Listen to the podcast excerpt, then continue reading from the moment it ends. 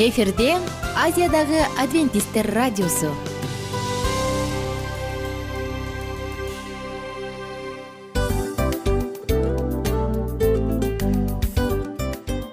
Достор салют. Баардык сүйүктүү угармандарыбызга салам айтабыз. Кутман күнүңүздөр менен.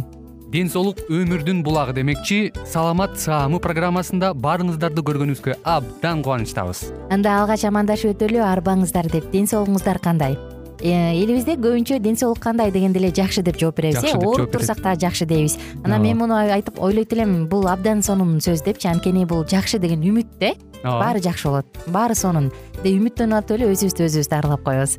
Анысы кандай? Сиздин дагы ден соолугуңуз жакшы беш деген үмүттөбүз чындыгында ден соолук бул өмүрдүн булагы деп бекеринен айтылган эмес деп ойлойм. Кыргыз элинде анткени эгерде ден соолук жок болсо анда адамдын жашоосунда калган баардык керектүү маңыздуу нерселер өзүнүн баалуулугун жоготуп коет. Ошондуктан ден соолук бул эң керектүү нерсе. Ооба туура айтасың кесиптешим. Чынында ден соолугуң жок бир эки үч күн ооруп калсаң эле э кандай болуп калат? Жашоодо көз каранды болуп каласың көп нерсеге жетишпей каласың көп нерсени кыла албай каласың жада калса эчке дүкөнгө да чыга албай каласың. Туптуура анан ден соолук болсо демек биз биздин бактыбыз тоодой деп койсок болот. Анда достор саламат саамы рубрикабызды баштайлы. Алдыда өзүңүзгө керектүү болгон сонун кеңештерди уга аласыздар. Мына ошондуктан биз менен бирге болуңуздар. Ал эми биз болсо милан жана айнура. Кеттик алга. Алга саламат саама ден соолуктун жарчысы. Саламат саама ден соолуктун ачкычы. Күн сайын сиз үчүн мыкты кеңештер сонун жаңылыктар кызыктуу фактылар биздин рубрикада.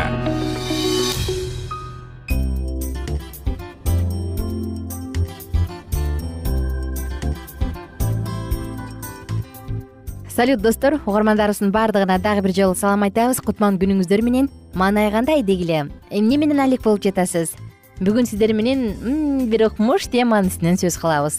Этти пайдалануу жана агрессия. Темабыздын аталышы. Негизи орто азия деги эле азия өлкөлөрүндө вегетарианство бул мода эмес э? Анткени дал ушул эт көптөгөн улуттук тамактардын негизги бөлүгүн түзгөн азык. Бирок ал биздин ден соолугубузга таасир кылабы? Деги эле жалпы эле улуттун таасир э, ден соолугуна таасир кылабы? Мына ушул жөнүндө сөз кылалы эгерде эт пайда же зыян деген адамдардын оюн бөлүшө тургандардан болсоңуз анда биз менен бирге болуңуз. Биз болсо окумуштуулардын айтуусу боюнча бир нече кызыктуу маалыматтарды тартуулаганга даярбыз. Кызматыңыздарда мен айнура биз менен бирге болуңуздар. Кээ бир вегетариан адамдарды уккандар же болбосо вегетариандык диетаны уккандар мындай дешет да ии алар деген дайыма өзүн чектеп жүрат алар дайыма ачка жүрүшөт аларда витамин жетишпейт алардын психологиялык жактан дагы мындай бир аз не то дегендей айтып келишет да бирок чын чынында ушундайбы. Эт азыктарын колдонуу деги эле эмнеси менен жакшы эмнеси менен начар? Келиңиздер бул жөнүндө сөз кылалы. Негизи эт адамдын ички ден соолугуна таасир кылабы же жокпу? Адамдын моралдык аспектилеринечи бул жөнүндө дагы кененирээк сөз кыла кетели. Вегетариандар болсо этти пайдаланууну мындай дешет вегетариандар этти пайдалануу же болбосо эттен баш тартуу бул эмне менен байланыштуу десең алар адамды агрессивдүү жүрүм турумга түртөт деп айтышат экен. Элестетип көрүңүз? Кээде алардын аргументи бул мындай бир нерсени алдын ала ойлонуп туруп бир метафорикалык же болбосо бир күтүүсүз нерселерди же жаман нерселерди ишке ашыруу менен байланыштуу дешет албетте буга негизги негиз жок далилденген бирок ошентсе дагы эттин курамында ага кызыл өң берип турган бул зат адамдын организминдеги тестостерондун деңгээлин көбөйтөт экен. Ал эми тестостерон гормону эмне менен байланыштуу? Албетте агрессия жана зордук зомбулукка жакын же болбосо дал ушул жагымсыз зыяндуу жүрүм турумдарга түртө туруучу гормондор. Элестетип көрүңүз. Этти көп жеген адам. Негизи эле жашоону карап отуруп өнүккөн өлкөлөрдө чоң адамдар өспүрүмдөр ата энелер балдар жубайлар ал эмес жаныбарлар булардын баарынын ортосунда тең ушундай зордук зомбулук чоңоюп атканын көрүп кээде ойлоно түшөсүң э? Буга эмне түртөт деп? Алкоголдук ичимдикпи? Же наркотикалык заттарбы? Же этти колдонуубу деп? Ооба албетте мындай зордук зомбулук дайыма болуп келген бирок тилекке каршы боло да берет окшойт. А бирок кээде карап туруп ой ушундай сонун өнүккөн өлкө билимдүү илимдүү эл жашайт а эмнеге деп ушундай жерлерди карап отуруп таң каласың балким алардын жеген тамагында кептир деп. Айтор бир даана бүтүн чыгаруу оңой эмес бирок кимдир бирөөнүн айтуусу боюнча эт адамдын организминдеги тестостерон гормонун көбөйтөт дешет. Эми болсо да баягы байыркы убактардан берки бир нерсени байкап көрөлүчү илимий изилдөөлөр илимий эмгектер айтып келген нерсени байкалчу. Байыркы римде гладиаторлор согушка чыгуунун алдында этти чийкилей жешчү экен ал эми илиададагы гомер өзүнүн аскерлери үчүн өзүнүн аскерлери согушкан адамдары үчүн дайыма бир нече жолу ушундай пир той уюштуруп жалаң гана эт берчү. Кызык. Ал эми бир нече жылдардан бою философтор жана моралисттер мындай дешет. Эттен жасалган азык тамак агрессивдүүлүктү жана зордук зомбулукту көбөйтөт деп келишкен албетте достор биз ооба бул туура деп айткандан алыспыз. Бирок ошентсе дагы эттин балким зыяндуу жактары дагы чын эле бардыр. Кандай дейсиз? Негизи эле кадимки комплекстүү подход жок э? Мындай кылыш керек деп. Ар бир адам өзүнүн комплекстүү подходу же болбосо жүрүмү өзүнүн мамилеси болуш керек. Биз бизге биз сизге болгону жалпы дүйнөлүк диетаны сунуштайбыз. Колуңуздан келсе дал ушундай эт азыктарын азайтыңыз деп анын ордуна кийинки төмөнкү азыктарды кошуңуз дейбиз жана негизгиси эмнеден баш тартыш керек? Мына ушуларды гана айта алабыз. Эмнеден баш тартыш керек? Биринчи кезекте алкоголдук ичимдиктерден. Пиво сыра деп келебиз вино же өтө эле ачуу алкоголбу булардан баш тартыңыз. Экинчиден чакмакташылган кумшекердин көлөмүн төмөндөтүңүз бул биз мурункуда уктурууларда айтканбыз эсиңизде барбы э экинчи түрдөгү кант диабет көтөрүлөт деп мына ушул азыктардан баш тартыңыз үчүнчүдөн үчүнчүдөн кайсы бир кошумчаларды колдонбой эле коюңуз.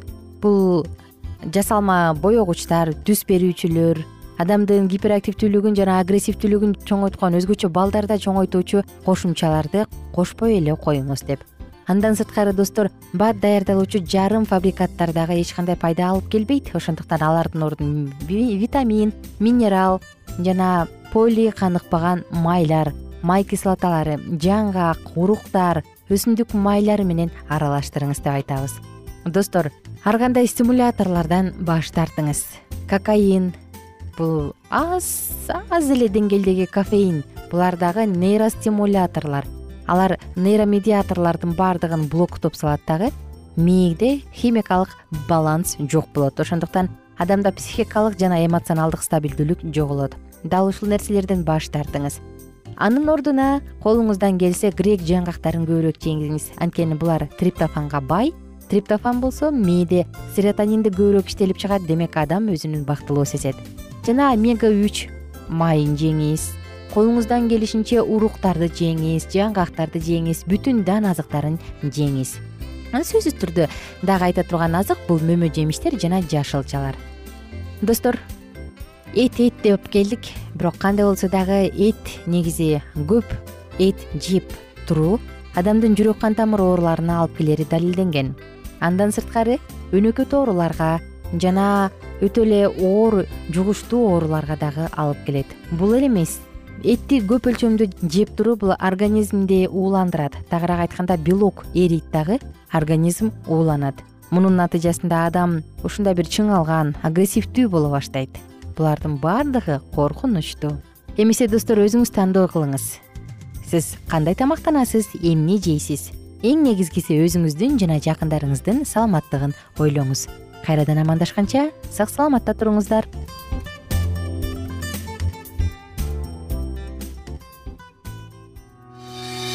саламат саама ден соолуктун жарчысы. Саламат саама ден соолуктун ачкычы. Күн сайын сиз үчүн мыкты кеңештер сонун жаңылыктар кызыктуу фактылар биздин рубрикада.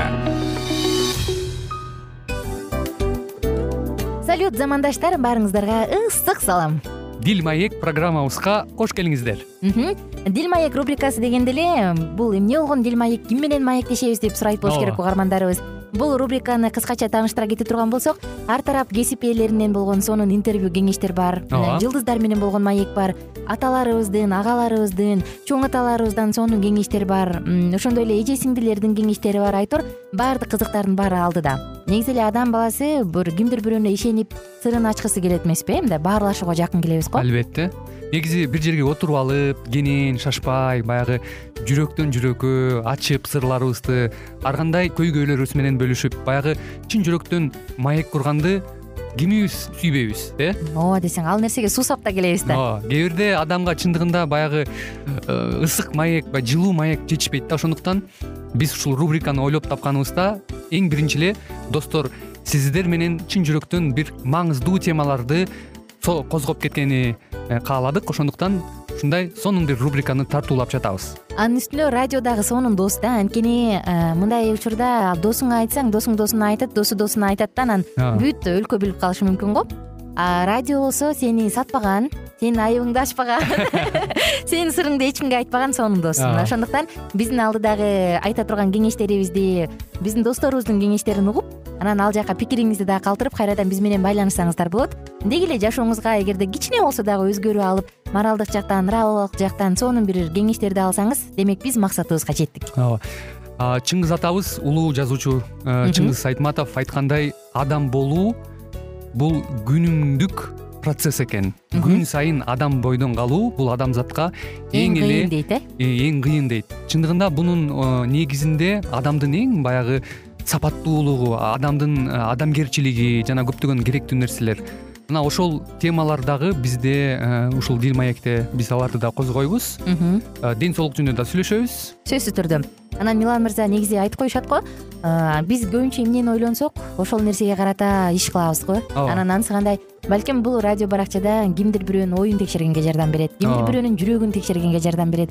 Балким кимдир бирөөгө жашоонун маңызын тапканга жардам берет айтор кызыктын баары алдыда бул жөн гана кыскача жарнама анда угармандарыбыздын баардыгын кийинки рубрикабызга чакырабыз. Ал эми кызматта маңдайымда отурган кесиптешим милан жана мен айнура. Анда эмесе биз даярдаган терең терең ойлор менен таанышууга кеттик. Алыс алыс баралык анда эмесе достор биз менен бирге болуңуздар. Алдыда эң кызыктуу маалыматтардын баардыгы бир нече мүнөттөр бою жалгыз гана сизге арналат мына ошондуктан жакшы маанай менен угууну каалайбыз. Үн алышканча жөнөдүк. Ар түрдүү ардактуу кесип ээлеринен алтын сөздөр жүрөк ачышкан сыр чачышкан сонун маек. Дил маек рубрикасында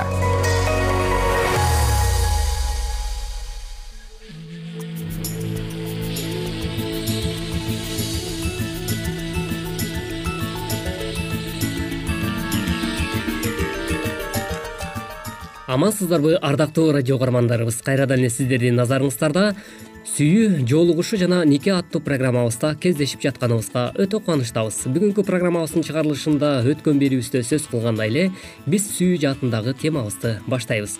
Өткөнкү берүүбүздө дагы биз э, эсиңиздерге сала кетсек э, деги эле сүйүү жаатында дал ушул сүйүүнүн үч түрү туурасында кеп кылганбыз бүгүнкү берүүбүздө дагы дал ушул жаатта эле сапарыбызды улайбыз андыктан бүгүнкү чыгарылышта дагы дал ушул мүнөттөрдө биздин ободон алыстабай биз менен биргеликте кала бериңиздер.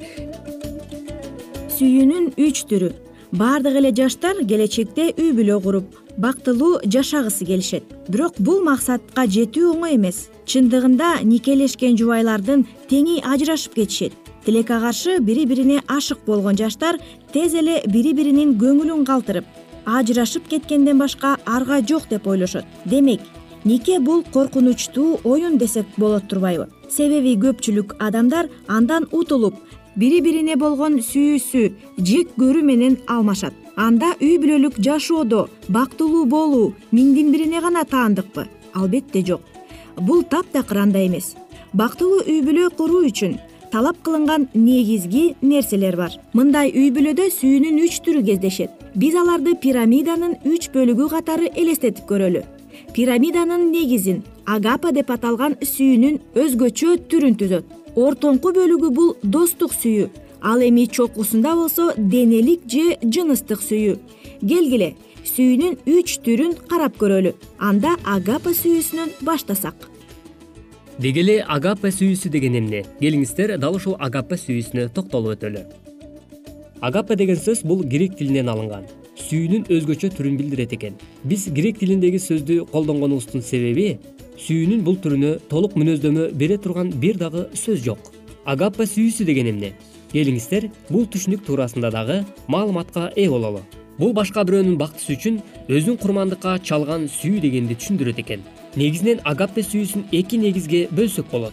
Биринчиси ал эч качан өзүнүн кызыкчылыгын издебейт. Сүйгөн адамына бир гана жакшы болушуна гана умтулат экен.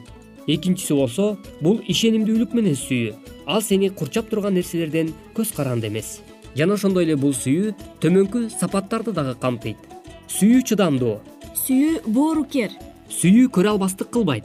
Сүйүү мактанып өзүн өзү көтөрбөйт ошондой эле сүйүү текеберденбейт сүйүү адепсиздик кылбайт. Сүйүү болсо ар дайым өз пайдасын көздөбөйт. Сүйүү ачууланбайт. Сүйүү эч убакта кек сактабайт. Сүйүү адилетсиздикке кубанбайт. Сүйүү чындыкка кубанат. Сүйүү баарын көтөрөт. Сүйүү баарына ишенет. Сүйүү баарына үмүттөнөт. Сүйүү баарына чыдайт. Сүйүү эч убакта токтобойт ошондой эле агаппа сүйүүсү бул ажайып керемет гана сезим эмес. Бул адамдын өз каалоосу менен жүрөгүнүн түпкүрүнөн чыккан чечимине байланыштуу болот.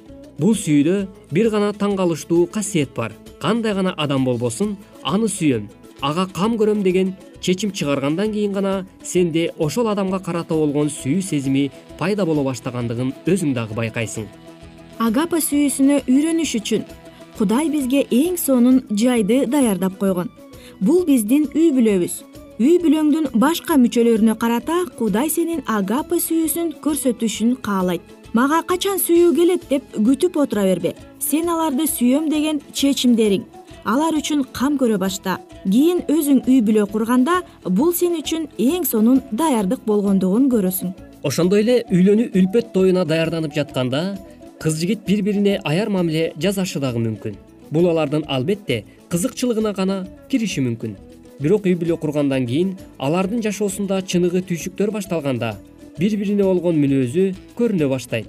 Эгер алар үй бүлөсүндө өзүмчүл ызаакор болушса үйлөнгөндөн кийин гана ошол мүнөздөрү өзгөрүлүп кетпейт кээ бир жаштар үй бүлөсү менен чогуу жашагысы келбегендиктен өзүнчө үй бүлө куруп кетүүгө умтулушат. Эгер сиз өзүңүздүн үй бүлөңүздө бактылуу боло албасаңыз анда үй бүлө курууга даяр эмессиз. Нике тууралуу ойлогондон мурда сен тандап алган адамдын агапа сүйүүсү менен сүйөрүңдү ал да сени сүйүшүңдү баалай тургандыгын так билишиң керек.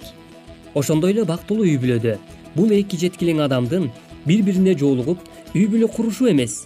Бул дүйнөдө жеткилең адамдар болбойт. Бактылуу үй бүлө бул кемчиликтери болсо дагы бири бирине ишенимдүүлүгүн көрсөтүү болуп саналат. Ал эми агаппе сүйүүсү болсо сокур эмес. Ал башка адамдардын кемчилигин байкап кечире билгенге дагы жөндөмдүү. Сен бирөөнү чындап сүйсөң. Аны өзгөртүүгө аракеттенбейсиң. Ал кандай болсо ошондой боюнча кабыл аласың. Агапа сүйүүсү мен сени баардык убакта сүйөм сенден эч качан баш тартпайм дейт. Ушуну түшүнгөндөн кийин эмне үчүн агапа сүйүүсү бактылуу үй бүлөнүн негизи түзөрүн түшүнүү жеңилирээк болот? Ошондой эле агаппе сүйүүсү бир гана никеге байланыштуу эмес. Ал башка баардык адамдарды дагы биз агаппе сүйүүсү менен сүйүшүбүздү каалайт. Бул дүйнөдө ар бир адам кудайдын сүйүүсүнө татыктуу ар бир адам кудай үчүн кымбат жана баалуу.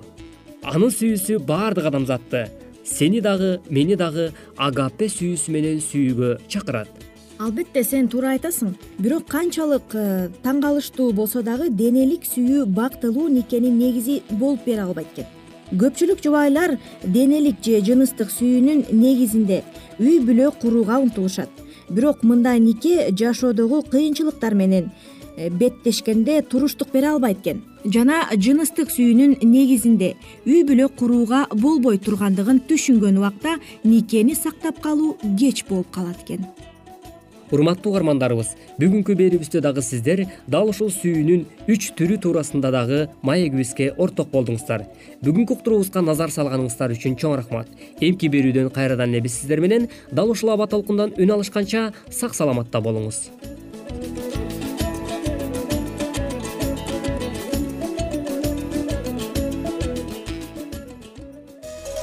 ар түрдүү ардактуу кесип ээлеринен алтын сөздөр жүрөк ачышкан сыр чачышкан сонун маек. Бил маек рубрикасында.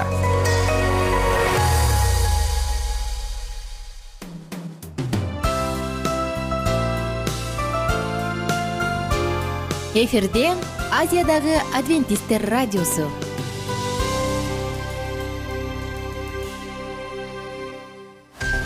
жан дүйнөңдү байыткан жүрөгүңдү азыктанткан жашооңо маңыз тартуулаган жан азык рубрикасы.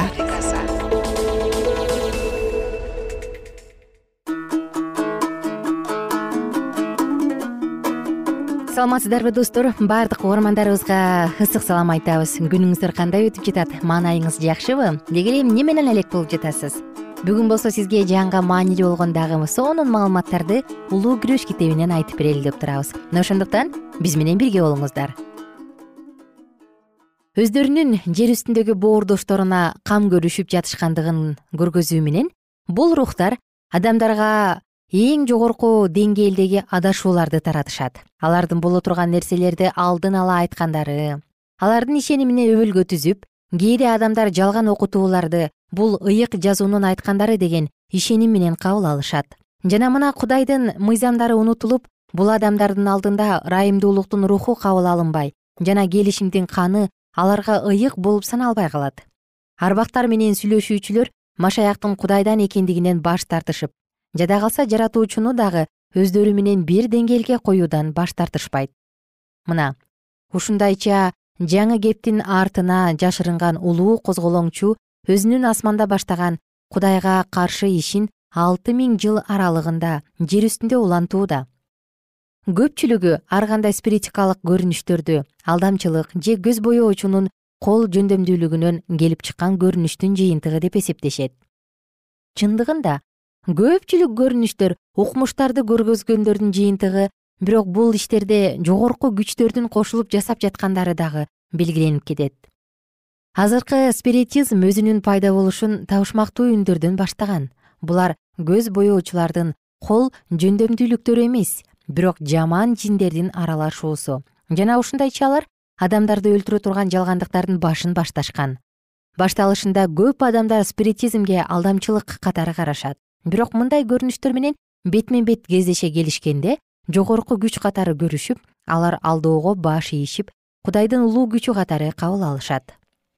Мындай адамдар ыйык жазуунун шайтан жана анын шабырлары жөнүндөгү эскертүүлөрүн көз алдыларынан кетиришет. Шайтандын кийлигишүүсүнүн аркасында фараондун көзү ачык адамдары кудай иштерин окшоштуруп көргөзүүгө мүмкүндүк алышкан.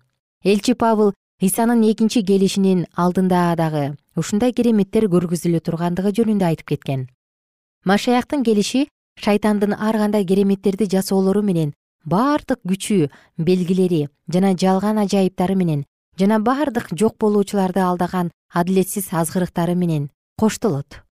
Акыркы күндөрдө көрүнө турган кереметтер иштер жөнүндө мындай деп айткан.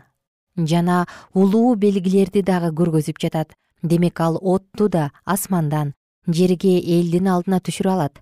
Айбандын алдында ага берилген кереметтери менен ал жерде жашагандарды адаштырат. Элчи бул көрүнүштөрдү жөнөкөй гана алдамчылык деген эмес. Жиндер адамдарды жөн гана көрүнгөн кубулуштар менен эмес бирок чыныгы кереметтер менен азгырып жатышат. Ушунча мезгил адамдарды азгырылуу үчүн өз тажрыйбасын курчутуп жалаңдаткан караңгылыктын мырзасы ар кандай даражадагы адамдарды алар кандай гана орунду ээлебесин аларды азгырганга күчү жеткен. Билимдүү жана маданияттуу адамдарга спиритизмди кылдаттык менен өздөрү ишене тургандай кылып жеткирет жана көпчүлүк адамдар ушул коюлган торго кабылышат. Спиритизмдин даанышмандыктарын элчи жакып жердик денелик жана жиндик деп атаган. Бул тууралуу жакып үчүнчү бап он бешинчи аятта жазылган. Бирок бул окутуусун улуу жалганчы абдан жашырган. Ошону менен өз пландарын жашыруун иш жүзүнө ашырууну каалайт машаяк чөл үстүндө сыналып жаткан мезгилинде жарыктын периштеси сыяктуу болуп келген шайтан адамдарга дагы ошол сыяктуу андан дагы көрктүү жарыктын периштеси болуп көрүнө алат. Адамдар менен жогорку темаларда сүйлөшүп алардын акылын туткундайт. Аны аларга бардык ооз көрүнүштү көргөзүү менен сүйүү жана кең пейилдик менен сезимдерге орнойт. Ал адамдардын акылын кереметтүү дүйнөгө канат байлатып өз акылдарына болгон ишенимин жоготууга жана өз жүрөктөрүндө түбөлүктүү кудайдан баш тартууларына ишендирет. Керемет жасоочу жалганчы дүйнөнүн куткаруучусун бийик тоого алып чыккан жана ал жакта ага кудайдын күчүнө толбогон ар бир адамдын ой жүгүртүүлөрүн тумандатуу максатында жердеги падышалыктарды жана алардын баардык атак даңкын көргөзгөн. Биздин күндөрүбүздө дагы бир кезде бейиш багында обон ээбизди азгырган сыяктуу адамдарды азгырууда жана аларга дагы жогору көтөрүлүүгө жана алар үчүн белгисиз болгон билимдерге жетүүсүнө азгырат. Ушул эңсөөлөр анын өзүнүн кулашына себеп болгон жана ошолор аркылуу адамдарды кулатууну каалайт. Силер жамандык менен жакшылыкты ажырата билген кудай сыяктуу болуп каласыңар деген ал. Спиритизм мындай деп үйрөтөт. Адамдар өз жаратылышында кереметтүү жаратылган ошондуктан алардын максаты түбөлүктүү өзүн жогорулатууга негизделген. Ушундай жол менен алар кудай менен бирдей деңгээлде боло алышат. Жана андан нары ар бир адам өзүн гана соттосун башкаларды эмес. Эгерде адам өзүн соттой турган болсо анда мындай ой жүгүртүү адилеттүү болуп саналат. Силер отура турган такты силердин ичиңерде. Спиритизмдин бир жактоочусу анын ичинде руханий ойлонуу пайда болгондо мындай деп айткан менин боордошторум. Адамдар күнөө кылбаган жарым кудай болушкан. Ал эми башкасы мындай деп айтат. Ар бир адилеттүү жана жеткилең жаратылыш машаяк болуп эсептелет. Ушундай жол менен кудуреттүү кудайдын адилеттигинин жана жеткилеңдигинин ордуна бир гана ал татыктуу болгон табынууга жана даңкка жана адамдар үчүн тараза болуп эсептелген анын мыйзамдарынын адилеттигине баш ийүүнүн ордуна шайтан күнөөкөр бузулган адамга табынууга жол берет. Жана аны алар үчүн бирден бир үлгү кылып көргөзөт.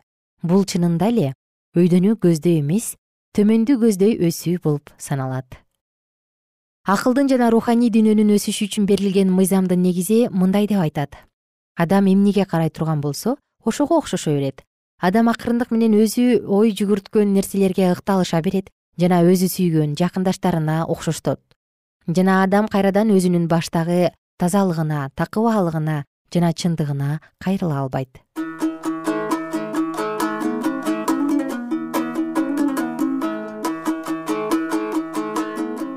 Кымбаттуу замандаш сиздер менен бүгүн дагы улуу күрөш китебинен эң сонун чындыктарды окуп өттүк. Дайыма жан дүйнөңүз жарык болсун. Жүрөгүңүздүн тактысында дайыма чындык орун алсын сиздер менен убактылуу коштошобуз. Жана кийинки уктуруулардан кайрадан амандашканча аман туруңуздар.